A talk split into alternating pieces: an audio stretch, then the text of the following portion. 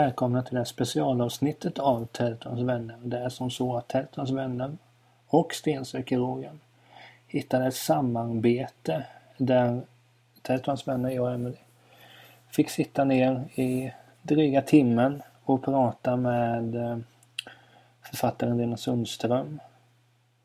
Det var en del gäster där, kanske 50-talet och eh, de har ju fått lyssna på det här men vi tänker att alla andra ska få lyssna på det likväl. Så håll till godo, här är ett specialavsnitt. Nu kör vi! Ja, ja, då kör vi. eh, nej, men när vi har gjort intervjuer i den här eh, så först ställer vi bara vanliga frågor. Och sen kör vi djupdyk. De onormala sen. Ja. Då börjar vi. Vem är Lena Sundström? Eh, jag är inte bara mamma. Jag är, ja, vem är jag? Eh, jag har faktiskt haft min... Jag är en sån som får ålderskriser. Eh, och jag tycker de kommer... Innan var det så att jag fick det jätteklyschigt varje gång jag skulle fylla jämnt. Men nu för tiden så tycker jag att, att det är lite pågående ålderskris hela tiden. Och det är lite, det är lite jobbigt. Det är mycket existentiella funderingar och sådär tycker jag som kommer när man blir äldre. Eh, jag vet inte, du kanske slingrar mig från din fråga. Vem är jag? Jag tror att jag är en sån som flyr in i jobbet. Eh, jag tror jag skulle hålla ett sommarprat, eller vinterprat, de har ju både på sommaren och vintern. Och då satt jag först och skrev ett sånt där sommarprat som man ska skriva, ni vet att man berättar om barndomen och så tänkte jag att det förväntas säkert att jag ska berätta någonting om min adoption och så. Eh, och sen kom jag på att ah, jag har ju ägnat hela mitt liv åt att slippa prata om mig själv på det sättet. Jag pratar jättemycket om jobb som jag håller på med och eh, är det usel så här bordssällskap vid bröllop. Jag kan alltid räkna ner tills min bordskavaljer vänder sig om och börjar prata med hon som inte är hans eh, bordsdam egentligen. För att jag känner mig väldigt trygg om jag får prata jobb men blir väldigt nervös om jag ska sådär småsnacka om annat och mig själv. Så att, eh, ja, det är väl jag, någon som inte är så bra på att vara jag. jo, men det, det, är alltid något. Men när du sa ålderskris, du kan lära dig hantera Jag fyller 25 i sommar. Det är ganska jobbigt. Det blir det Nej, men om vi, vi ska ju i huvudsak prata om din profession, eh, journalist. Så därför blir den rimliga frågan, varför blev du journalist? Det finns ju så mycket annat man kan bli. Jag tror att jag blev journalist, ah, att, så här är det ju. Allting blir efterkonstruktioner i någon mening eh, eftersom allt som passar in i bilden av varför man blir journalist, som att jag älskade Stig Dagerman som väldigt liten, det låter superpretto. Min mamma var sjuksköterska men hon älskade att läsa högt. Så hon läste dagsedlar av Stig Dagerman. Och jag älskade det. Hon läste Tove Jansson och sånt också, men saker som var på rim. Eh, och då tänkte jag sådär eh, att det, det, där vill jag göra. Jag vill skriva, tänkte jag redan som 12-13-åring. Eh, men hade jag börjat jobba som tandläkare eller något annat sen så hade det säkert varit någon tandincident som jag hade kommit ihåg från när jag var liten. Eh, så på många sätt så kan jag tänka ibland att det är intressantare att prata om varför man fortsätter med det som man är. Alltså varför fortsätter man vara journalist? Men jag tror att det är eh, dels det här på att man är lite dålig på att vara om man är dålig på att vara sig själv och dålig på att vara privatperson så är det väldigt skönt att fly in i andras berättelser. Eh, och om man har existentiella funderingar över att livet är så kort men ändå så oändliga möjligheter och så. Så det är också väldigt skönt att, att påminna sig om otroligt mycket häftiga livsöden. Att få liksom gå upp i andra människor för att slippa undan sig själv ett tag. Um, och sen finns det ju som journalist så kan man alltid, alltid gå och knacka någon på ryggen på stan och ställa de mest bisarra frågor ingen kommer tycka att man är konstig. Eh, alltså man kan, jag har till och med sett så här reportage på, på, eh, när de kommer fram så på Lilla Aktuellt och frågar folk på stan vilket som är det bästa toalettpappret om man har eh, bajsat. Eh, och ska det vara för mjukt, för hårt? Och, och folk svarar liksom på det. Och, och helt så här, ja. Och, och likadant, man kan ju fråga folk om deras sexliv. Så länge du säger att du är journalist, eller möjligtvis kommer från Statistiska centralbyrån sånt där, så, så är det liksom en, en direkt kontakt med människor. Och nu är det här extremexempel. Jag gör ju inte sådana enkätfrågor, men jag tycker att det är otroligt häftigt när man åker runt och möter människor och att man verkligen, det blir möten. Eh, oavsett om det handlar om att, att det är i Sverige eller i utlandet. Och jag vet att när jag var ganska ung så minns jag också att jag läste en krönika av eh, Yukiko Duke, ni vet hon som eh, recenserar böcker på SVT.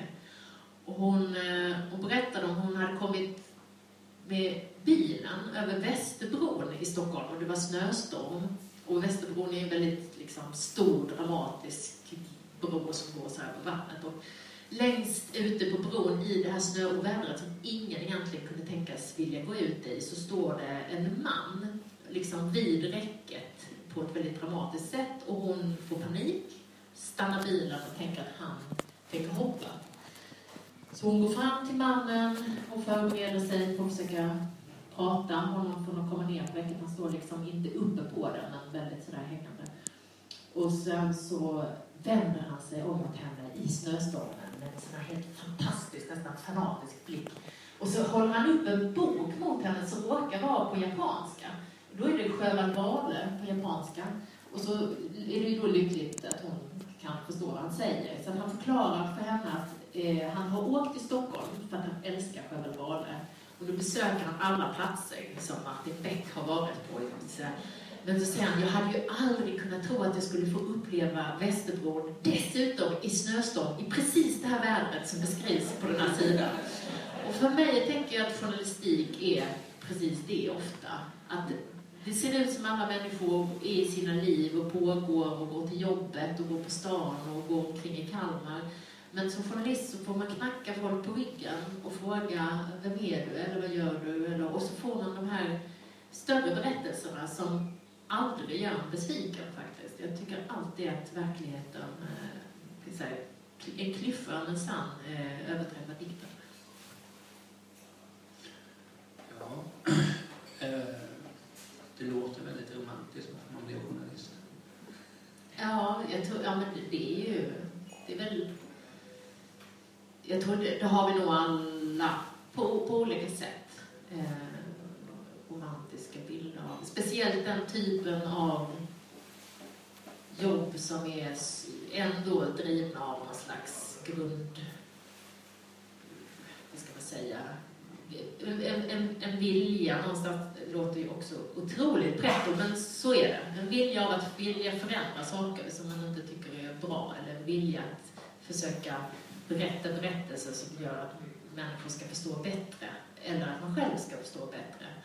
Eh, och, det, och ofta är det ju ett, ett jätte...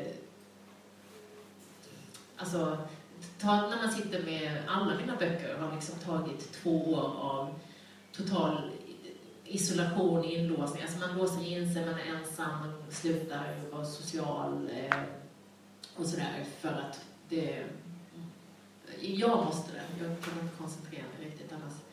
Eh, så det är väldigt oglamoröst på många sätt. Så jag tror att det är viktigt för en själv i alla fall att man bygger upp någon viss romantik, tror jag. Ja, men eh, mycket av researchen jag har gjort har handlat om att jag har läst eh, boken Spår väldigt bra, ska jag säga, först. Eh, och sen har man gjort andra, men det som Eh, jo, jag vill veta alltså hur själva... Hur fick du idén till boken Spår? Det hade ju redan gjort ett reportage och dokumentär om det. Var det inte lite gjort, så att säga? På ett sätt. Eh, jag kan kort bara berätta vad Spår handlar om för de som inte vet. Och spår handlar ju då om eh, en historia som utspelat sig, alltså den här Egyptenaffären som... Eh, det hände 18 december 2001 så alltså, var det ju inte en händelse, men det var då CIA landade på svensk mark. Eh, och det får de inte göra, de får inte operera på svensk mark. I största hemlighet och förde bort två män som var asylsökande i Sverige och förde dem till Mubaraks fängelse där de överlämnades till underrättelsetjänsten och säkerhetstjänsten för tortyr och tortyren började samma natt. Och sen fortsatte Sverige att mörka att männen försökte ropa på hjälp inifrån fängelset om att de blev torterade. Eh, och eh, det här dröjde ju flera, flera år innan under hela 2002 och 2003 så, så var det, såg det ut som en vanlig avvisning utåt om man begärde ut papper och så. Så det var ju tre journalister som började nysta i det här och söka efter sanningen. Och eh, det tog ju lång tid innan de förstod att det var CIA de kom på spåren. Men, men eh, själva avslöjandet, det kom först 2004 i maj. Eh, och det har de ju berättat om. Eh, kan man säga, ofta är det så, ni läser ju säkert ibland deckare, thrillers och så. Och, och då skulle man kunna säga att de sista sidorna i en deckare och en thriller, eh, det är ju då när man får veta vad hände, vem dog eller vem blev torterad och vem ljög och, och, och i bästa fall varför och typ vad hade de på sig. Sådär. Eh, de sista sidorna i en thriller och en deckare är ofta det, eller alltid skulle jag säga, det som är nyheten. Alltså det som man kan berätta om i ett nyhetsinslag och också i ett granskande reportage i Kalla fakta, eh, Uppdrag granskning eh, eller vad det nu kan vara. Det finns ju fler granskande program eh, om det är Ekot som avslöjat någonting. Eh, en, en bok, oavsett om det handlar om en sån här eh, affär som har hänt i verkligheten eller om det är deckare en thriller handlar om de här andra 250-350 sidorna i en deckare och thriller. Eh, och det vet ju alla, det är ju det som egentligen är spännande. Alltså det är det som gör att vi förstår och intresserar oss för de där sista sidorna. Eh, för att vi plötsligt förstår vilka människor det handlar om, och vi förstår alla förvecklingar och vi förstår vad som kunde ha gått snett så att vi aldrig fick veta det som sen avslöjas på de sista sidorna. Eh, så det är väl det lite långa svaret. Eh, och sen så finns det ett annat halvslångt svar. Det är att jag minns till exempel när jag fick veta att eh, Gelle Tamas skulle skriva en bok om, om eh, Lasermannen och jag tänkte att eh, herregud, alltså vi har ju inte läst om någonting annat än om Lasermannen nu jättelång tid. Och det var liksom ni vet, under lång tid, löpsedlar, det var ju på 90-talet, löpsedlar och spaltmeter efter spaltmeter och så vidare. Eh, och sen så läste man boken när den kom ut och så insåg man att man inte hade, att man inte visste någonting egentligen. Inte om det som verkligen betydde någonting, inte det som gav, satte det i ett sammanhang och så vidare. Eh, och jag tycker att det är så hela tiden. Och där är ju böcker fantastiskt för att man får ha det utrymmet att kunna berätta en historia från början till slut och ge personer en, en, en större, att de blir människor på ett helt annat sätt. Än, ja. Kan det kännas mer ärligt på något sätt? Liksom som du beskriver att boken kan förklara det mer? Boken är ju skriven Ja, men det är väl, för fakta är ju fakta är ju sant. Men samtidigt så tror jag inte att eh, man, man förstår inte det på samma sätt. Alltså, den här boken du skrev, man kallar det för New Journalism-stil. Det var ju Capote, Truman Capote, som en gång anses ha startat med eh, boken In Cold Blood, eh, med kallt blod. Eh, och det handlar ju om att man då, eh, boken är skriven som en roman och ska kunna läsas som en roman men är helt och hållet byggd på verkligheten. Truman Capote slirade lite grann, eh, alltså man blommade ut lite, man kan läsa om hur Mr Clutter, som senare blev mördad, eh, vad han tänker på när han går och äter ett äpple och så inser man att det är ingen annan som har pratat med Mr Clutter eh, efter att han åt äpplet och innan han blev dödad. Så det där måste ju Truman Capote själv ha liksom blommat iväg på. Och det kan jag säga att det har jag inte tillåtit mig i spår. Det finns väldigt mycket detaljer. Men det är också mycket tack vare att eh, de här som gjorde avslöjandet var tv-journalister. Och att jag får tillgång inte bara till allt råmaterial utan också till dagboksanteckningar, till deras sms, e-mail, reseanteckningar, biljetter allt, alla, alla andra lådor med dokument. Eh, men sen handlar det också väldigt mycket om att fråga om sånt, om man skriver en bok på det här sättet, om att fråga om, och det är väl det du kanske undrar över då, men andra saker som Eh, var inne i, I ett nyhetsreportage så får vi veta att Agisa, en av männen då, blev förd från Sverige och att han precis hade fått barn. Hans yngsta dotter hade då, var bara cirka tre månader. Men, men det är på något sätt ändå först när man pratar med Hanan om, om hennes förälskelse i Agisa från början och, och hur hon undrar liksom, när ska jag ta bort skorna eh, som står i hallen, när ska jag plocka bort hans mobiltelefon? Att inte veta, vad ska jag säga till barnen om när pappa kom tillbaka? Den här totala ovissheten. Och hur hon till slut bestämmer sig för att hon måste städa bort saker, för det är inte bra för barnen. Hon måste försöka vända på köksbordet så att det skapar någon slags nyordning så att det inte ser så tomt ut där eh, Ahmed brukar sitta. Och att hon, eh, liksom, men hon förmår inte att slänga en skjorta som hänger kvar. Hon har en skjorta som hon sparar, som hon går och luktar på ibland. För att hon saknar honom så mycket. Som hon inte visar för barnen. Och den, det, sånt säger ju oändligt mycket mer än att bara eh, en man har försvunnit. till exempel. Nej, men det var just när jag läste när du sa att den, den, den var lite som roman. Och till en början så var det så det kändes, att det var...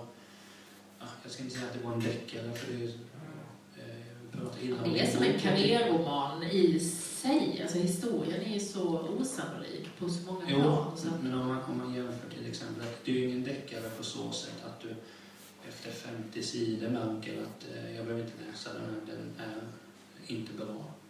Eh, Den, här bokens spår, och den, eh, alltså det, det händer ju alltid någonting. Alltså det är ju inte att man, man du, läser, du läser sida 37 av en anledning, det är inte bara en, en bit på vägen utan den är ju minst lika viktig som, som eh, vil- vilken annan sida som helst. Så det, det, det är inte så mycket fluff. Alltså det är mycket, jag kan, det finns väldigt bra thrillers, men vissa har väldigt mycket, kan jag tycka, fluff, alltså att de går över en parkeringsplats eller av eh, några ja, utfyllnadspartier som kan vara ganska långa. Det, det är inte så mycket sånt. nej, men det, alltså det, det är ju den senaste deckaren jag läste var en Thomas Bodström-bok. och Visst, det är synd att eh, göra så. han är med i den här också, så du får... Jo, men hans deckare är inte bra. Och han, han, han gjorde ju inte så bra ifrån sig här heller i och för sig. Nej, men att i den boken var det ju, väl- nu kommer jag inte ihåg det var idealisten eller lobbyisten, någon av dem, läs dem inte. Uh, nej, men där var det mycket att du, du förstod det redan tidigt, okej, det här händer. Och så gång efter annan, okej, de får ihop det, okej, de hatar varandra, sen okej, det här händer. Men det var en upptäckt för mig att... Eh, för att jag hade, den, är ju, den här boken är ju ändå upplagd. För att när jag tänkte att om jag ska skriva den här boken, jag visste att den här berättelsen hade så otroligt många just karriärinslag, att det var som en amerikansk thriller. För att den har CIA-agenter som klär ut sig och som det finns helt fantastiska, ska vi gå in på det, det finns helt fantastiska historier från Milano och allt möjligt. Men eh, också såklart från svenska eh, miljöer med Säpo och så vidare. Men, men eh, eh, det, det är ändå skill- Alltså, skillnaden är ju att den, är ju samtidigt väldigt dramaturgiskt berättad. Precis som du säger, att den ska kunna läsas Mm. eh, som en roman. Och vad var det du frågade? Eh, Det kommer inte jag ihåg heller. Men, Eh, jo, men jag var väl lite inne på det här att, att varje sida var lika viktig som den Ja, andra. men det var det jag skulle säga. Att, att det jag upptäckte när jag då ändå ville att det skulle... Jag ville göra historien rättvisa. Jag skulle, ville skriva den så bra som den förtjänade och att den skulle vara så spännande som jag visste att den var.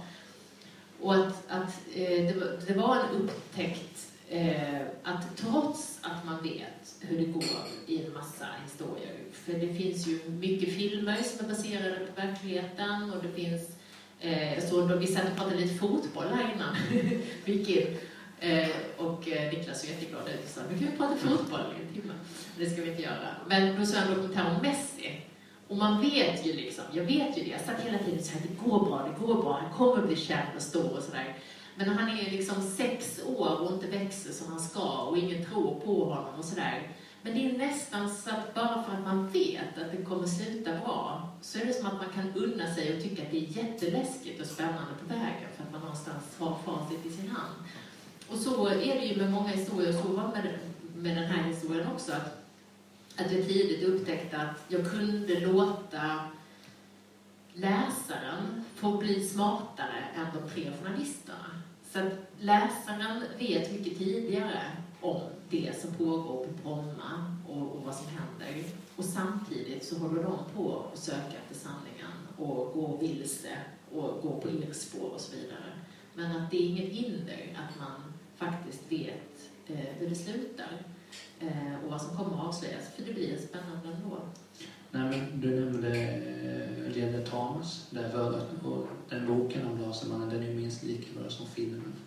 Eh, men där får man ju också lite samma känsla. Vi vet att okej, okay, de kommer få fast på jobb eller alla andra alias han har haft med årens gång. Just det. Eh, ja, ja. Var det lite av en eh, förebild i det sättet du skulle skriva? Eller hade du andra förebilder?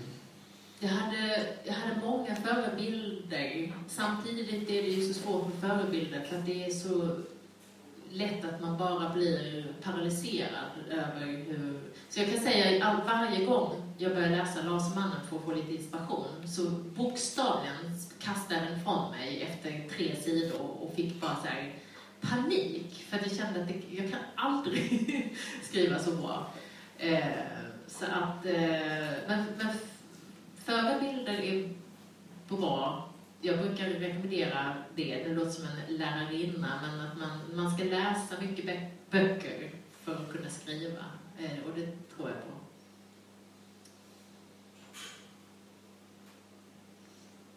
Nej, men, jo, bara, bara en kort passus här. Att det jag tänkte på när jag läste, alltså, visst, boken är ju fenomenal på alla sätt. Men jag tror, min känsla var att den hade ju absolut kunnat gjort sig minst lika bra som film. Är det någon som har velat göra film på den? Ja, det är nu jag får säga, det är en kommentar. det finns vissa saker som man inte får prata om. Ehm, men eh, ja, den är väldigt filmisk på många sätt. Och sen är det ju också så, alltså det, det, här är ju en historia som jag tyckte var viktigt att den blev skriven. Eh, den hade ju inte skrivits på alla dessa år och det är en det är en bit av vår svenska samtidshistoria och det är också en bit av, vi har några stora utmaningar i vår tid som jag ser det och det är, eh, vi har eh, kriget mot terrorn är, är en sån stor fråga. Eh, den rättsosäkerheten som har skapats i det. Och eh, jag vet inte om ni inte, det ligger fortfarande på SVT Play, eh, Citizen 4 det är ju det namnet som Snowden använde som sitt kodnamn när han först började ta kontakt med Glenn Greenwald som var journalisten som sen hjälpte honom tillsammans med Laura Poitras som var dokumentärfilmaren. Och Laura Poitras dokumentärfilmaren är ju med från början. Det är det som är så otroligt, följer hela den här processen. Och jag nämner det för att eh, Snowden och NSA och det som pågick och pågår eh, där Eh, för det är världsomspännande. Det handlar inte bara om USA. Det handlar väldigt mycket om spår. Alltså de, de, de, det hänger ihop. Kriget mot terrorn som under Bush handlade om att man kidnappade, och det är det boken handlar om. CIA hade en hemlig flygflotta som flög över hela världen, kidnappade människor som aldrig fick någon rättegång eller någon rättslig prövning. Många av dem har visat sig sen vara, alltså man kunde konstatera att, att de hade plockat fel personer. Eh, man kidnappade dem och man förde dem sen och det är den flygplatsen då som, som de här journalisterna avslöjar. Och, och det tror jag kanske inte lika många känner till. Jag tror många känner till att det var en avvisning på Bromma som gick snett och att CIA var inblandade. Men kanske inte lika många känner till att det blev sen nyckeln till det som man kallar extraordinary renditions. Och det programmet som CIA hade satt igång, då var Agiso Alseri, det svenska fallet, tillhör det första eller andra alltså de absolut tidigaste rendition-fallen eh, i de här CIA-operationerna. Och sen ledde ju det avslöjandet till att eh, andra journalister senare kunde avslöja, och också människorättsmänniskor, genom kartläggning kunde avslöja vart de här planen flög. Och de här som då kallades för black sites, som var hemliga tortyrfängelser som fanns över hela världen i CIA-regi. Alltså ofta helt med CIA-personal och liksom avlönade av CIA och eh, helt i, i regi. Eh, också i europeiska länder, som Polen, där det pågår jätteutredningar nu och skadestånd och så. Eh, för att det visade sig att CIA hade mutat dåvarande regeringen för att få tortera i ett polskt fängelse. Eh, och det var Bush-regeringen och det har senare tagits över av Obama, alltså Obama-administrationen har ersatt kidnappningarna med drönaroperationer. Så de människorna som man kidnappade innan tar man ut med drönare idag. Och de här människorna som kidnappades under den här perioden, de har ju i ganska stor utsträckning, i alla fall de som har kidnappats från europeiska länder, har kunnat berätta om det som har drabbat dem och vart de fördes och så vidare. Men om du har tagits ut av en drönare så, så, så går det ju inte helt enkelt. Så det här är ju, det här är ju ett eh, viktigt, viktigt ämne för att det är en viktig del av vår historia, men också en del av vår nutid och någonting som pågår precis nu. Eh, Ja, men ju, som jag sa, alltså, den är väldigt intressant och det är ett, ett antal politiker som, ja, som får en känga. Eller kanske inte känga, Ja. men de nämns i förbifarten. Och samtidigt har det känts väldigt viktigt för mig att, eh, det har ju, alltså, som ni säkert känner till, så slutade det här med att Anna Lindh blev väldigt utpekad. Eh, och eh, det var, hon kände till det och hon hade absolut, eh, är en av dem eh, som var ansvariga. Eh, men jag tycker att det, det blir också väldigt enkelt. Dels är det väldigt, hon kan inte försvara sig. Eh, det blir också väldigt enkelt att utpeka en död minister som, som inte längre kan försvara sig medan andra då kan gömma sig bakom henne, vilket de också har gjort. Och att jag också tycker att det är väldigt viktigt att, att se det här som en del av någonting mycket, mycket större eh, som har pågått i hela Europa. Alltså EU-kommissionen har ju utrett det här senare och kommit fram till att det handlar om 1245 flighter, tror jag det var, som gick genom Europa, rendition flighter, under de här åren. Eh, det är också väldigt intressant eftersom det hände i så många länder så är det väldigt lätt att, att se hur våra länder skiljer sig åt efteråt, i efterhanteringen. Alla var väldigt, det här var ju precis efter 11 september 2001. Så alla var ju väldigt rädda för eh, USAs vedergällning. Ingen ville bli utpekad för att hysa terrorister i sitt land eller för att vara för naiva och så. Eh, så att, eh, det skedde ju över hela Europa. Men efteråt så har, har vi, alltså Sverige, är, tre av 28 länder vägrar fortfarande lämna in information om flygningar och så vidare. Och, och eh, Sverige är ett av de tre länderna medan alla våra nordiska grannländer har lämnat ut information till exempel. Eh, man kan se att i Milano eller Italien så har man gjort rättsliga processer, precis som i Tyskland. I Milano så dömdes 22 CIA-agenter och en amerikansk pilot till fängelse, till fängelsestraff. Och den här italienska historien är ju någonting som finns med i boken väldigt mycket för att det, dels för att det är en sån helt otroligt fantastisk historia eh, men också för att den säger någonting om vår bild av oss själva. Alltså vi, vi som har lyckats få en självbild av Sverige trots att vi är den tredje största vapenexportören räknat per capita i världen så har vi ändå den här bilden av Sverige som ett land som står för mänskliga rättigheter och vi tycker om fred och så vidare. Men eh, att det finns en, en, en kultur samtidigt att eftersom vi är så fina så finns det ingenting att, att granska. Eller vi behöver liksom inte jobba så aktivt med, med korruption. Medan italienarna är precis tvärtom. De är ju sådär, eh, varenda jävel är korrupt. Alltså, och så utgår de från det och har system utifrån att han försöker hantera det.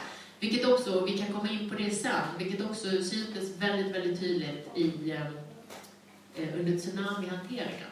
Alltså hur länder skilde sig åt hur vi lyckades hantera en tsunami där Italien också faktiskt var ett mönsterexempel i just det fallet. Jag säger inte att Italien är ett mönsterland när det handlar om allt, verkligen inte. Men när det handlar om vissa saker där vi har en bild av att Sverige har ordning och reda på samma sätt, där det inte alls behöver vara så.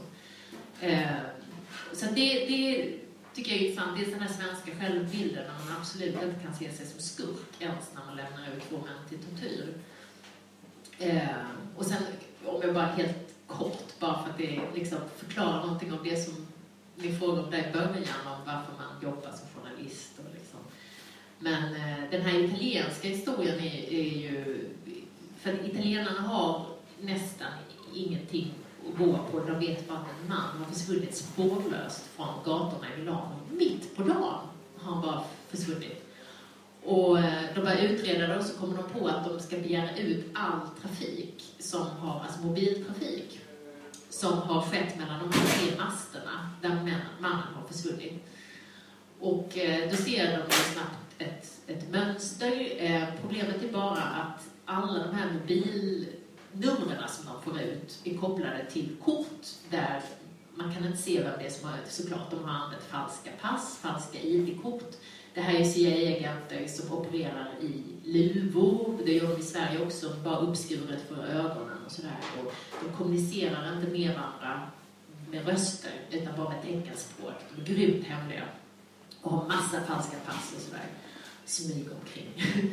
och, eh, så att de säger, jaha, vad ska vi göra nu? Men då är italienarna så noggranna så att de kommer på att vi ska kolla vad de här telefonnumren är på natten när folk ligger och sover.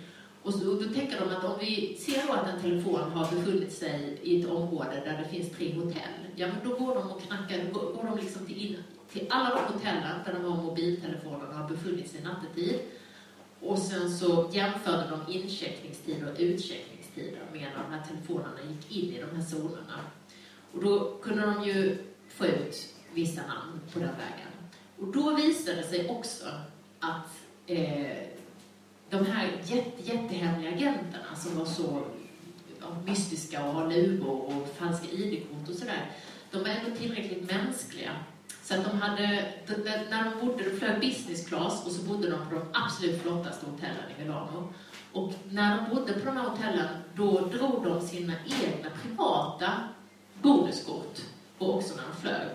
Så det var bara för italienarna att begära ut de här bonuskortslistorna så kunde de se precis vart de hade varit och hur de hade rört sig, vad de hette och var de bodde egentligen.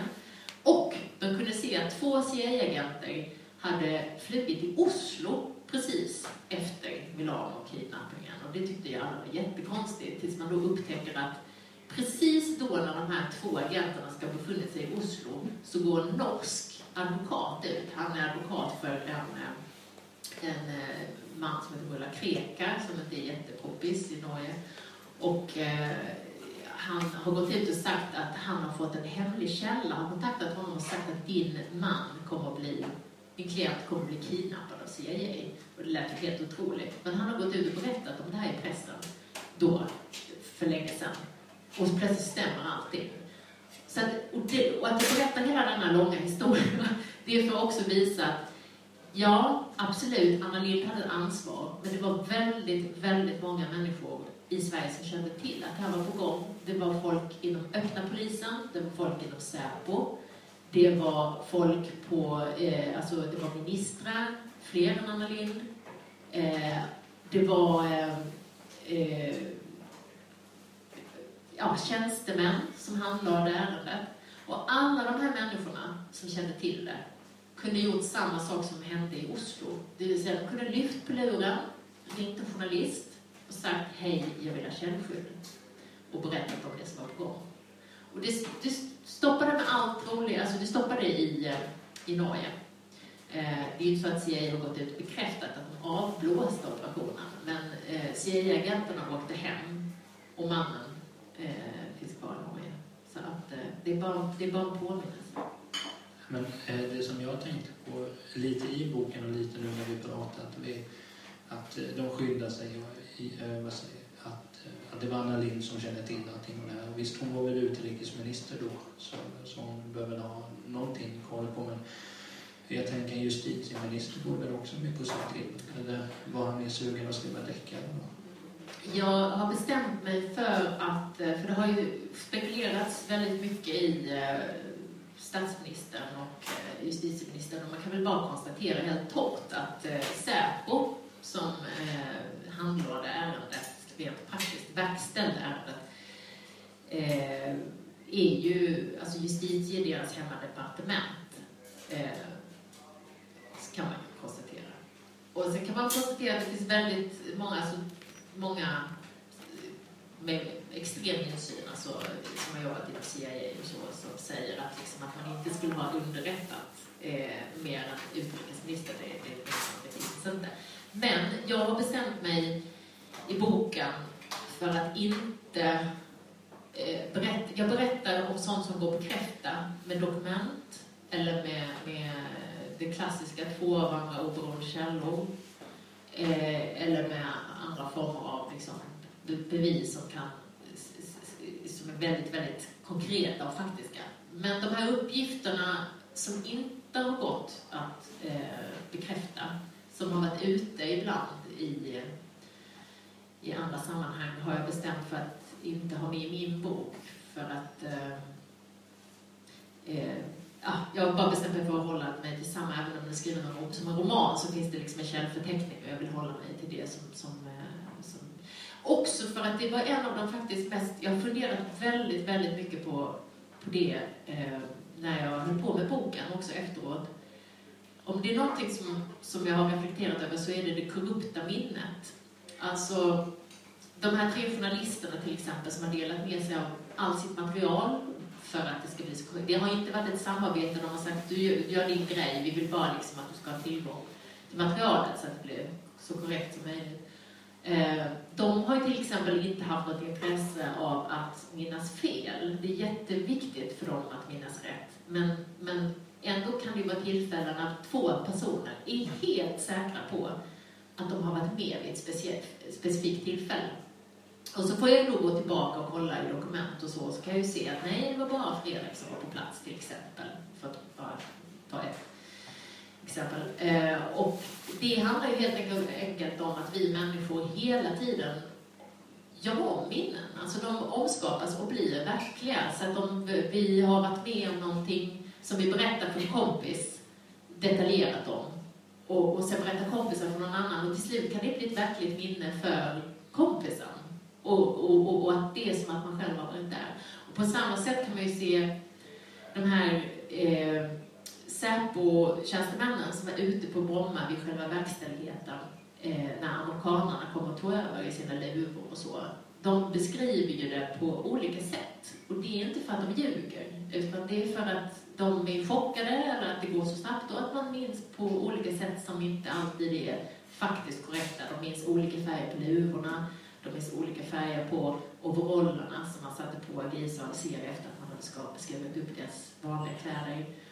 Det finns en, hon som var huvudansvarig för verkställigheten på Bromma, hon beskriver det som att man skar upp männens kläder och sen sätter man på dem myströja, det här är direkt citat, myströja, mysbyxor och den typen av gympapåse som vi hade på gympa på mellanstadiet. Och sen hjälpte man männen ut mot planet så att det skulle hända dem någonting. Och det här finns inte med i boken, för att en bok handlar också om att välja bort. Men det är väldigt intressant det här om att hur, det är så uppenbart hur hon bäddar in det för att det ska bli mer uthärdligt också för att detta var det hon såg och bevittnade. Så att hon, det finns liksom ingen hejd på hur mysigt de hade det, de här männen ute på Bromma. Och det är ju ett självförsvar och sådana skapar vi hela, hela tiden i vår vardag och så. Så att det var bara reflektion kolon på, på saker som, är, som man som journalist måste ha med sig och tänka på. Eh, och eh, som också har fascinerat mig väldigt mycket i, eh, i att hur det mänskliga minnet fungerar. Men försökte du få tag på, på, på Bodström och alla de där? De kan göra annat som är viktigare. Eh, det finns... Eh, det, det, det, är blandat. Vissa personer, eh, andra inte. inte. Och det var ju också ett, ett dilemma på det sättet att väldigt många av de här personerna har eh, ja, visst, ja, farit med osanning kan man väl säga för att uttrycka det. Eh, genom alla år. Eh, vissa ändrat, har ändrat sig när det handlar om vissa punkter. Jag, heder åt Mona Sahlin som gick ut eh, förra, inte nu i höstas, men förra hösten och sa att det var klart att vi visste.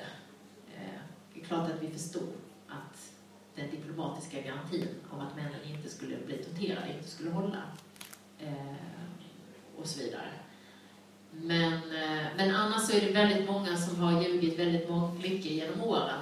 Och eh, då blir det också väldigt Alltså jag har, i, de, I många fall har jag bara beslutat mig för att eh, förlita mig på de dokument som finns och på de... Eh, det här utspelar sig också i, i någon slags realtid då. Så att eh, jag skildrar ett förlopp som, som var som, som, som skedde eh, då när det hände. Liksom. Och då får man välja bort eh, andra delar. Jag gjorde samma sak. Jag som sagt skriver ju för DN nu och har ju skrivit bland annat om eh, Husbykravallerna och också om tsunamin nu eh, när det har gått tio år. Det är ju samma sak där, lite om det som vi pratade om innan, hur man vill försöka liksom ta bort någon förståelse. Och jag funderade väldigt mycket själv på eh, varför jag värjer mig. Jag tror att det är väldigt mänskligt, men jag har värjt mig så mycket för att läsa om tsunamin. Jag tyckte att det har varit väldigt jobbigt. Det handlar om, om barn som har förlorat sina föräldrar och föräldrar som har förlorat sina barn. Och, och till slut blir det liksom bara outhärdligt. Man känner också att det är någonting som är... Man är rädd också för att det bara ska bli någon nästan frosseri från oss andra som inte har förlorat någon på det sättet så att vi bara kan gå hem och krama våra barn lite extra och säga att eh, åh, vad jag älskar dig och så. Och det känns ju inte så bra. Men jag ville försöka, så det jag ville göra med, med, med det reportaget, och det, jag nämner det för att det också har valt på samma sätt att skildra någonting när det sker. Så att jag, istället för att beskriva någons sorg, eh, så som den ser ut idag, tio år senare, och så som det ofta har skildrats i, i, i press, det vill säga där det är som mest dramatiskt. Alltså, det är ju, om det har hänt en tsunami så är det klart att det blir tacksamt när man just skildrar människor som står och gråter och är hysteriska i sin sorg på ett sjukhus till exempel. För att det blir väldigt tydligt. Vi andra kan förstå att det är så sorg ser ut. Men jag vill skildra sorg så som den faktiskt ser ut, eller innan det till och med kanske har hunnit bli till sorg, medan fortfarande bara är kaos och trauma. För att jag tycker att det är viktigt att vi förstår att det är inte som den här Hollywood-versionen. Så att jag skildrade en rad människor, eh, deras olika perspektiv. UD-tjänstemannen, mamman som, som förlorade en son och eh, dottern som förlorade sina föräldrar, båda föräldrar. Och en, en eh, hjälparbetare som bara blev hjälparbetare för att hon blev kvar och för att hon inte var så skadad så hon kunde istället hjälpa andra. Bara för att nämna några exempel. Och, och berättade om de första timmarna, de första dagarna när det som sagt inte alls är den här... Eh, människor reagerar inte så som man tror att de ska reagera. En, en, en tjej till exempel, när vågen kommer så springer hon in på, på toaletten och tänker att hon ska låsa in sig. Det är helt totalt ologiskt att vilja springa in på toaletten när det kommer en jättevåg. Men hon gör det och hon, det enda hon kan tänka på är att fan, jag gick in på, på killtoan. Hon är liksom, jag gick in på fel toalett. För att det, det hänger kvar, liksom, alla våra beteenden om hur vi ska bete oss i vardagen, vad man får göra och inte får göra. Eh, och likadant de här människorna som ändå är väldigt olika, i, lika olika som vi är olika som människor, är de olika i hur de hanterar situationerna liksom, där nere. Men jag tänker ändå, och jag har tänkt på det mycket, mycket efteråt, eh, att jag tänker att vi har väldigt mycket att lära eh, av de människorna som drabbades. För Sverige är ju relativt, ska jag säga. Det finns många människor som förlorar människor tyvärr. Eh, framförallt i cancer, men också på andra sätt. Men, men att vi är ett land som är relativt skonade. eftersom det har varit fred länge och vi har, har det bra. Eh, men att, att vi har mycket att lära av, av omsorg och sånt för att kunna vara bättre. Eh, både för andra som blir drabbade här i Sverige, men också för en massa människor som kommer hit och är djupt traumatiserade, där man ofta ger kulturella förklaringar till att eh, eh, de sörjer inte sina barn på samma sätt i det landet. Därför att eh, jag ser den här kvinnan sitta här och redogör för hennes tre barn som drunknade på Medelhavet och hon är ju helt eh, liksom, rationell och handlingskraftig och sådär. Men det var många också efter tsunamin. Vi, vi, eh, vi blev... Ja, man blir, det här med liksom osvenskt beteende och så vidare, det, det, det är väldigt kopplat till de förutsättningar och förhållanden som, som är. Men, men det är ganska fort så, så kan det liksom raseras. På gott och ont. Alltså det finns ju, finns ju eh, finns mycket att lära, som sagt, eh, för att bli bättre på och, och hjälpa, tror jag. Och där var det ju också det som vi pratade om innan, eh, det här med Italien och Sverige. Den här UD-tjänstemannen, Andreas Norman, så beskriver man det var ju de unga som de skickades ner, framförallt för att många var på julledighet och så. Eh, kommer ner, har liksom inte fått någonting annat med sig än en, en, en guidebok till Thailand och hade tips om att han ska dricka mycket vatten. Och sen hamnar han jätteung och ska bara stå och identifiera lik. Alltså vi snackar typ 500 lik eh, som håller på att ruttna i värmen. Och han har inga arbetskläder och han, han, han textar en lapp där han skriver Andreas Norman Foreign Ministry, så här, sätter på bröstet och försöker upprätthålla någon slags professionalitet gentemot de här förtvivlade anhöriga som han möter. Och samtidigt så är det då någon arbetskompis där nere som möter honom och ger honom en tröja med en viking på, där det står typ Absolute Swede eller någonting. För att det ska du ha på dig, för då kan man se, titta Röda Korset har sina tröjor, Svenska kyrkan har sina, nu ska vi på UD ha de här. Eh, och han vägrar, så att han går där med sin egen skitiga likstickade t-shirt och sin, sin eh, namnlapp som han har textat själv. Och på kvällarna så får han skaka av honom sina vanliga privata gympaskor fulla med likmask. Liksom, som han får. Och när det brister för honom, det är när han ser, han har ju sett liksom de här Korean Disaster Team, det står liksom Korean Disaster Team på ryggen och de ser superproffsiga ut och de har sina CSI-aktiga, rostfria eh, portföljer de fäller upp med massa utrustning och tält och gummistövlar och roller. Och liksom. Men när det brister för honom det är när han liksom ser att italienarna till och med har fått dit sina jävla jeepar eh, och kör omkring liksom, eh, med eh, Carabinieri står det på jeeparna liksom, och så hoppar de ut och så chop, chop, chop och så superorganiserade och alla vet vad de ska göra och alla är så här total struktur. Och det är ju så, Italien har ju då varit med, drabbats av eh, eh allt möjligt från terrorattentat under lång tid, men, men också andra typer av katastrofer och, och har ju en organisation där det också är tillåtet för dem till exempel att tömma ett flygplan eh, på Air Italia-plan, ut med alla stolarna, in med all hjälputrustning. Eh, vi har inte de strukturerna. Men jag tror att det är väldigt viktigt att vi liksom börjar inse att vi inte har det och, eh, och att vi inte alltid är bäst i klassen. Liksom. Eh, Nej, men just i det här fallet med tsunamin, alltså eh, det reportaget du skrev där eh, eh om eh, tsunamin. Eh, vad är det du skulle tycka, alltså, vad hade Sverige kunnat gjort annorlunda? Eller, vad, vad skulle de gjort för att det skulle skötas bättre? Jag skulle nog vilja säga att det är samma sak som när det handlar om Egyptenaffären och Saudiaffären och eh, en massa andra historier där vi har så, där det inte har gått så bra. Att vi, jag tycker alltid att man ska passa sig, det är väldigt lätt i efterhand att komma och säga eh, om jag hade varit där så hade jag direkt förstått att det var en jättekatastrof. Liksom. eh, det är inte alls säkert.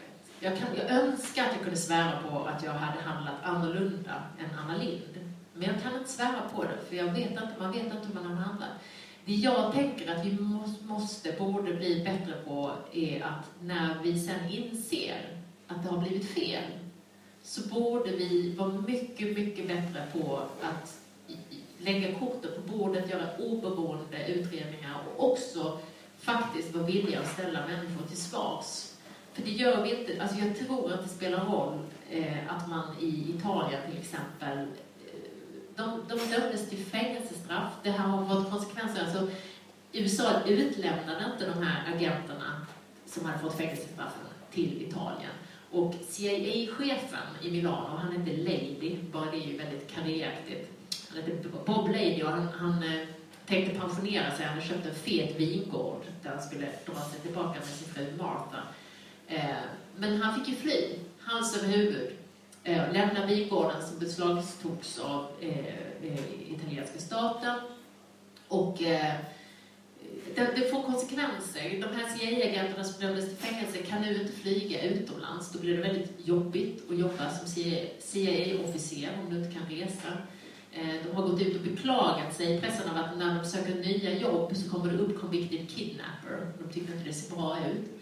Jag är helt säker på att det här påverkar hur andra handlar i framtiden. Att man tänker efter på ett annat sätt. Men jag kan inte förstå varför någon tjänsteman idag på UD eller justitie eller någon minister ska behöva tänka annorlunda än vad man gjorde under Egyptenaffären. För man kan veta att alltså alla de som var inblandade, som idag är i livet, har gjort karriär. Alltså alla, vissa rejäl karriär, men ingen kan man se liksom att här har någon fått fått ansvar för att det blev fel. Jag menar, vi, det, det kan ju bli fel ibland när vi jobbar och så utan att det var vår mening. Men man, det finns ju ändå, speciellt när det handlar om att människor kommer till skada, så får man ju ändå på något sätt ta ansvar för det. Så ser det ju ut. Min mamma var sjuksyrra liksom. Så såg det ut för henne. Hon nojar över det varenda dag. Och jag tänker ändå att, att det, eh, precis när det handlar om tsunamin, är någonting som vi borde lära oss någonting av. Men som sagt, att, att utpeka... Jag, en av dem som, jag, som också var den personen som skildrade sin historia, ni kommer ju säkert ihåg Lotte Knutsson alla. Eh, men den som eh, tog besluten på fritidsresor, eh, det var Johan Lundgren som var VD på fritidsresor. Och eh, jag gjorde en lång intervju med honom nu i London, han bor i London och satt och pratade. Och jag frågade, för han var oerhört snabb. Alltså det fanns väldigt mycket motstridiga rapporter där tidigt på morgonen. Men redan, liksom, jag tror det var vid 12 redan, så tog han beslutet att vi ska utgå från att det absolut värsta har hänt. Och det var ju inte många med på. Han hade någon konkurrent som ringde och skrek att vi ses i rätten och så. Eh, för det händer ju att fartbolag köper in flygstolar hos varandra och sådär. Eh, och han förstod ju det att han kanske skulle stå där och se ut som en idiot när det sen visade sig att det inte var så farligt. Men han tog ändå det beslutet och jag satt där i säkert två timmar och frågade honom, finns det någonting i din personlighet som gör att, att du är mer krismedveten än andra? Finns det någonting i din personlighet som gör att du ja, är mer orolig eller ser, ni vet, vissa människor eh, är ju mer eh, oroliga, krismedvetna än, än andra och ser liksom olyckan framför sig innan den har hänt och så. Så nej, det kunde han liksom inte. Han tänkte verkligen efter och vi pratade som sagt länge och jag återkom till den här frågan om det fanns någonting eller om att han hade fått höra det av sina barn eller sin fru. och Sådär. Nej.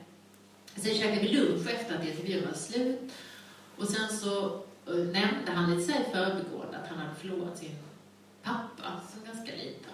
Och så frågade jag frågade då hur det gick till, hade gått till och så. Och då eh, sa han det att han, nej, det var, det var att eh, hans pappa lämnade honom på, på, eller de skildes åt morgonen när hans pappa skulle komma till fotbollsmatchen på eftermiddagen eh, och hämta honom. Och eh, sen skadade han sig på fotbollsmatchen, Johan, så han, han typ bara stukade foten eller någonting. Och, och tror han åkte till sjukhuset, men i alla fall hans mamma kommer dit istället för hans pappa för att hämta honom. Och hon storgråter och gråter och gråter och han tänker liksom att det kan väl inte vara så mycket att gråta över, jag har bara stukat foten. Och då visar det sig att pappan har en kollega som har ringt upp honom under dagen och frågat om han vill följa med på eh, testet på pendelplan. De ska bara åka med ett litet plan och käka lunch i, i en stad inte alls långt bort. Och eh, pappan säger ja och, och planet störtar. Och jag frågade Johan eh, om han trodde att det kanske kunde ha någonting att göra, att han liksom ändå hade en, en förståelse för att en katastrof kan komma när som helst. Eh, och då sa han att kanske kunde han ha lite större förståelse än någon annan. Och jag tror att det är så det funkar. Det bygger mycket på erfarenhet. Eh, jag hoppas att Anna Lindh hade tagit ett annat beslut idag. Eh, och jag, jag önskar att vi alla kunde som sagt lära oss mer av att, att eh, det är bättre att ha fel åt ena hållet än åt andra hållet när det handlar om till exempel tsunamikatastrofer och så vidare. Att det ska vara möjlighet att gå ut och röja ut ett plan och bara skicka ner det. Eh, hellre det.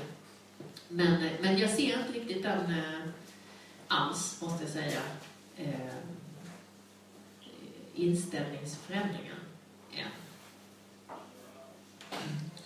Nej, men det, det, men det som jag slår mig när man läser om, eh, om politiker och skandaler och sånt, det är att de, den uppfattning jag får är att de så, såklart ville väl inte grejer att det skulle kunna utan han rökte sex exempelvis. Men han, det, det kändes som att han, att han knappt tar ansvar för det. Det är ju ganska allvarligt att, att köpa sex av minderåriga och, och alla sådana som är. Och sen tänker jag det här också, nu, nu gör ju de enkelt för sig, men det var, det var Anna Lindhs ansvar. Men man skyller alltid på någon annan. Det är som, Ja, nej, det måste finnas och det ser man väl väldigt tydligt, eh, om inte annat när det handlar om Sture Bergvall, eh, som är... Hade man, hade man läst om det och också om eh, Göran Lamberts nu, som är ute och har sitt eget korståg i pressen, men också hur, hur det ens var möjligt. Alltså, återigen, allt är möjligt. Det borde historien lära oss, men vi borde också lära oss att vi eh, inte sen bara ska göra som kungen och säga att det var inte så bra det här, men nu vänder vi blad. Att det finns en viss sån svensk hållning. Och att, att eh, hade man läst om, om tror jag, hela Sture Bergvall framför allt, återigen efter spelet, med, med det som fortfarande pågår idag, så, så tror jag att man hade liksom tagit sig för pannan och sagt typiskt italienare, liksom, typ. Eh, och att eh, vi har någonting att, att, att lära där. Men, men det är... Jag har precis kommit hem från eh, Argentina och Buenos Aires är en stad precis som Berlin. Jag tycker mycket om Buenos Aires. Eller ja, det var första gången jag var där. Det lät som att jag... Men jag tyckte mycket om Buenos Aires när jag var där. För att det påminner om Berlin på det sättet att det är, det är en stad som är väldigt medveten om sin historia och som, och som hela tiden finns väldigt närvarande. När man går omkring i Berlin så finns det gatstenar överallt. Jag har säkert sett dem när jag varit där. Eller det, det går inte att inte se det. Det är gatstenar med namn på människor som har försvunnit från olika portar och så vidare. Och i Buenos Aires, så liksom mitt inne i stan, så finns det där ESMA, centret, där dit man tog folk, torterade dem. Det fanns ett BB inne på, på den här eh, i stora, liksom en stor park med massa byggnader. Det fanns ett BB där, alltså det var 30 000 människor som kidnappades eh, under bara få år och bara försvann och dödades, många av dem. Eh, eller de 30 000 är ju borta. Men, men eh, där då kvinnor eh, födde barnen innan de, man dödade dem och sen så adopterades barnen bort då till militärer och så. Eh, men, men det finns där och det är liksom tillgängligt, man kan gå in där eh, på ett helt, jag betvivlar den dag Guantanamo stängs, att man kommer att behålla det som en slags minnessymbol där man kan gå kring i och liksom se på hur det såg ut. Eh, lika lite som Abu Ghraib eh, eller de här black sitesen. Eh, det finns i, i Buenos Aires på samma sätt gatstenar överallt, också inne i stan, där man ser namn på vad mycket barn och ungdomar som, som försvann eh, utanför skolor och så. Långa listor in, liksom i gatstenarna, deras namn när de försvann och sådär. Och jag tänker, det där har vi ju... Vi pratar ofta i Sverige om att vi ska ha, sam, åh, kanske skulle döpa om Arlanda till Wallenberg Airport. Eller liksom sånt som vi är stolta över. Men, men, men det här som, som man lite kunde läsa om fantastiskt reportage i DN idag av Ingrid Karlberg eh, om eh, fredag, men också Sveriges hemliga förhandlingar de sista dagarna. Liksom, när vi försökte prata lite med himlen och sådär. Och hur man såg på Sverige i, från norskt, danskt men också på indiskt håll. Eh, i någonting som, som vi tycker är jättejobbigt att prata om. Jag tror vi skulle behöva prata lite mer om det. Jo, men eh, nu när du nämnde Himmler så kan man ju börja prata om främlingsfientlighet och sådär. Oj, ska klockan så här, det finns en timme till. Men eh, absolut, vi kan väl, eh, jag kan bara säga något kort kanske.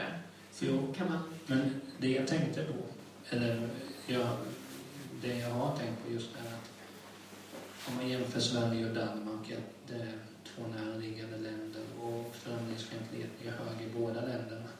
Men alltså ser du någon likhet mellan den svenska främlingsfientligheten och den danska främlingsfientligheten? Eller, jag skulle vilja börja med att säga att, att det inte är så enkelt som att man kan säga att främlingsfientligheten är hög i Sverige och Danmark. Nu är det superjobbig, men eh, alltså toleransen i, i Sverige till exempel har ju ökat år från år. Utan vad det här handlar om väldigt mycket det är att det finns ibland politiska partier som är duktiga på att, att suga upp de eh, röster, stämningar, människor som kan tänka sig att rösta på den typen av partier. Och det innebär egentligen inte, alltså om vi tar, när jag växte upp, vi pratade om Lasermannen innan, då var det Ny Demokrati. Då var det väldigt, väldigt många i mina gulliga kvarter i Kristianstad som röstade på Ny Demokrati. Sen försvann det här partiet och det var inte så, och det var ingen av de människorna som då Liksom, de började ju rösta då på de andra partierna igen. Socialdemokraterna, Moderaterna, Folkpartiet, allt möjligt. Men, men det var ju inte så att de inte fanns kvar. Och sen så nu i, igen så är det var fjärde i mina gamla, mina gamla eh, idylliska hemkvarter Eh, var fjärde person röstade på Sverigedemokraterna i sista valet. Och det är ju egentligen, de har väl funnits där hela tiden, men nu har de då kanaliserat eller sugits upp av det här nya partiet som kanaliserar det. Eh, så att eh, det är ju som sagt toleransundersökningar som visar att vi faktiskt ändå blir ett mer tolerant folk hela tiden. Jag tror att det är dels viktigt att påminna sig om. Jag, jag också i Stockholm är man ibland väldigt bra på att bygga upp en bild av att ute i landet, där gror det. Och om man bara lägger örat och lyssnar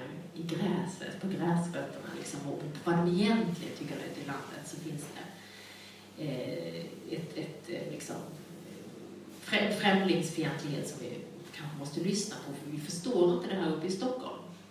Eh, dels ska jag säga att, att jag reser ju runt jättemycket, både i mitt jobb som journalist men också när man håller föredrag och så. Och jag upplever att det finns en enormt stark rädsla för Sverigedemokraterna och för vad de vill. Eh, en, en stor öppenhet inför och, och vilja att Sverige ska vilja vara eh, kunna behålla den här självbilden av att vi är någon som står för mänskliga rättigheter och ett öppet land, tolerant land. Eh, jag upplever också att eh, det inte är så enkelt. Det finns, man ser väldigt tydligt till exempel i Stockholm nu och i Malmö, bara för att ta två exempel, så såg man ju att, att det var i de absolut mest alltså, överklassområdena, höginkomstområdena i Malmö och Stockholm där SD hade gått fram mest. Eh, så att den här bilden av att liksom ute i landet gror det, eller att det egentligen handlar om arbetslösa män i glesbygd som eh, är hatare och som är rädda för... Det, det, det, är, en, det, är, en, det är en förenkling. Eh, utan det handlar framförallt om att det här är något som sker inte bara i Sverige, utan det här är en utveckling i hela Europa. Eh, som vi ser i, i tyvärr nästan alla länder. Och där är det också viktigt att påminna sig om att det då finns länder som har haft en väldigt jobbig ekonomi, som Skottland, eller ja, Eh, och eh, eh, Spanien till exempel, där man inte har den här typen av partier i parlamentet. Så att, ehm, eller, där, eller där man kan se liksom att det skulle finnas liknande grogrunder.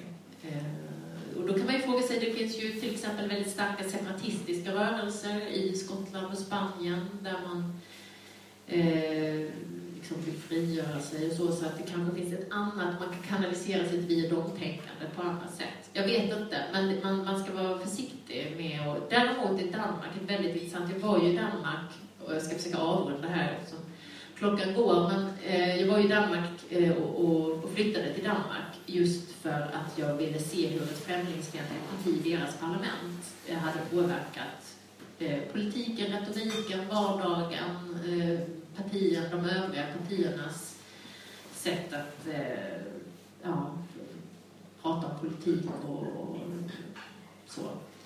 Eh, så att jag skrev ju den här boken Världens lyckligaste folk då och sen har jag nu varit tillbaka i Danmark för nu är det ju så att de går till val i, i eh, senast i höst ska de gå till val. Och eh, Dansk Folkeparti blev det största partiet i EU-valet förra året. Eh, de har varit det största partiet också i vissa opinionsmätningar i höstas och nu ligger de väldigt jämnt eh, med Socialdemokraterna och Vänstre som förvirrande nog är högerpartiet. Men det är intressant för att det var min senaste, jag var över och intervjuade en massa danskar nu som pratade om yttrandefrihet och demokrati och så som har blivit populära begrepp i, i hela Europa. Liksom. Vi pratar väldigt mycket om det nu för tiden. Eh, Eh, och som menade nu då att det, har blivit en ny typ av politisk korrekthet i Danmark. Där det har blivit väldigt politiskt korrekt att, eh, att man får säga neger, men det är väldigt politiskt inkorrekt att säga att Pia Kjaersgaard är rasist. Det får man inte säga. Eh, och på samma sätt att det har bildats nya skällsord som de anständiga. Eh, och jag trodde jag hade fel först, först och tänkte att det måste betyda någonting annat på danska än vad det betyder på svenska. För det kan ju inte vara så att anständighet har blivit ett skällsord. Men, men jo. eh, det, så att det anständiga det är liksom ett nytt skällsord för de politiskt korrekta. Eh, och hur det, hur det påverkar oss långsamt. Liksom. Jag tänker att det är... Ja, det är väl en underdrift att säga att, att den utvecklingen skrämmer, som sagt, inte bara i Sverige eh, och inte bara i Danmark. Och det är inte alls meningen att peka finger åt Danmark, för att det är en utveckling som vi alla har i våra länder, fast vi har bara hunnit olika långt, tror jag. Men alltså jag, nu vet jag inte hur mycket tid man har kvar, men det, det var en kort fråga. Jag kan säga som sagt, gammal TV4-journalist har vi redan totalbrutit mot alla, liksom kört över i alla fall första och kanske andra reklaminslag. Så vi kan väl börja avrunda. Jo, men det är en sak jag har tänkt på när jag har läst allting du gör. Alltså, blir du inte någon gång sugen att göra klickjournalistik? Klickjournalistik? Ja. Gulliga djur och sådär. Eh, nej, men Nej, alltså men vore det... det inte bara någon gång kul att ta reda på och Jan Guillou få upp en fortkörningsbot? Nej, alltså det är klart. Nej, men alltså om man ska, jag ska väl säga att, att det, det finns många saker som, som skrämmer och egentligen är det tråkigt att prata om för jag tror att det är ofta viktigare att prata om positiva förebilder. Så här, boken Spår till exempel låter ju som, det är en fruktansvärd historia men den handlar framförallt om, om hjältar, alltså det handlar om juristerna som, som ändå vidhåller att vi måste ha rättssäkerhet och så vidare. Andra journalister som inte jag som kan fortsätta att gräva efter sanningen. Men det, det, jag ska säga, vi pratar mycket om demokrati när det handlar om eh, rondellhundar och annat. Och det är ju klart att, att det är yttrandefrihet är jätteviktigt. Men yttrandefrihet kan man också prata om en hel timme om. För att det, det är väldigt mycket mer komplicerat än vad många vill göra det till. Eh, men när det handlar om journalistiken i framtiden så är det ett, ett jättedemokratiskt eh, framtidsproblem, eh, tror jag. Och det beror helt enkelt på, och det här är jättesvårt för att hade det här handlat, alltså det är så fruktansvärt många journalister som försvinner. Eh, och eh, lokaljournalister, som man träffar folk på, på tidningar, på lokaltidningar, som sa att innan var vi kanske fyra, fem reportrar på den politiska redaktionen och så satt det en pressperson på kommunen. Nu är de en hel stab. Nu är de liksom fyra personer, fem personer på kommunen och vi är en på lokaltidningen. Och det här är liksom, det här är ju, det är oerhört många som försvinner, det är oerhört många som eh, får gå. Eh, det är många som inte blir ersatta när de går i pension. Och det är väldigt många som går över till andra sidan för att det blir ett sätt att försörja sig på om du då är utbildad journalist. Och vad det här innebär för att sanningar i framtiden ska komma fram med den här enorma upp, liksom obalansen som uppstår eh, det, det, det skrämmer mig. Och att det också blir svårare och svårare att se vad som är sponsrat, betalat för eh, och vad som är, är liksom eh, redaktionellt material. Eh, och dessutom, förutom det, så har vi dessutom det här med, och då är vi inne på det här med på ett sätt med klick, men ändå inte klick är ju det att man klickar på gulliga djur och någon rubrik om sex kanske, eller något sånt där liksom. Så vill tidningarna skriva om det för att det ger mycket klick och då kan man ge, göra, liksom, ha annonser. Men att eh, det finns en polarisering som blir när vi mer och mer kan läsa och bli tipsade om det som vi redan är intresserade av. Så att om vi tidigare alla läste samma tidning på frukostbordet och vare sig vi ville det eller inte så delade vi samma verklighetsbeskrivning och sen kunde vi debattera och, och protestera och ha olika åsikter men vi delade alla samma verklighetsbeskrivning. Idag väljer vi, och kommer i framtiden att välja ännu mer och bli tipsade ännu mer också av de stora tidningarna och stora nyhetsmedierna om eh, det här tror jag att just du vill läsa om. Och det här har det gjorts undersökningar om i USA där man har tittat på till exempel Tea Party, ni vet rörelsen. Varför de, för, vad blir de tipsade om för artiklar? Också från liksom stora tidningar. Ja, då är det liksom klimatskeptiker, abortmotstånd. Alltså det, det, anpassas på ett helt annat sätt efter. Plus att då på sociala medier, när vi också liksom numera möter mer och mer andra som är som vi, för att vi väljer våra grupper. Eh, och vi gör allting på nätet, nästan. Vi köper våra resor, vi bokar våra biobiljetter, vi ja, men, hyr våra filmer. När vi tidigare mötte varandra med alla våra olikheter dagligen, liksom. det kommer inte bli så på samma sätt i framtiden.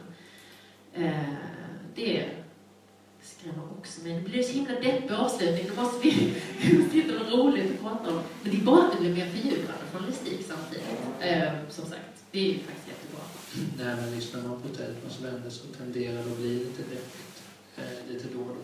Ja, men jag tror det är väldigt, väldigt viktigt att behålla ändå liksom, eh, för det görs, och det påminner ofta, det görs väldigt mycket bra granskningen hela tiden och det fortsätter ändå att komma väldigt stora avslöjanden trots att, att eh, journalistiken har sin egen lilla kamp.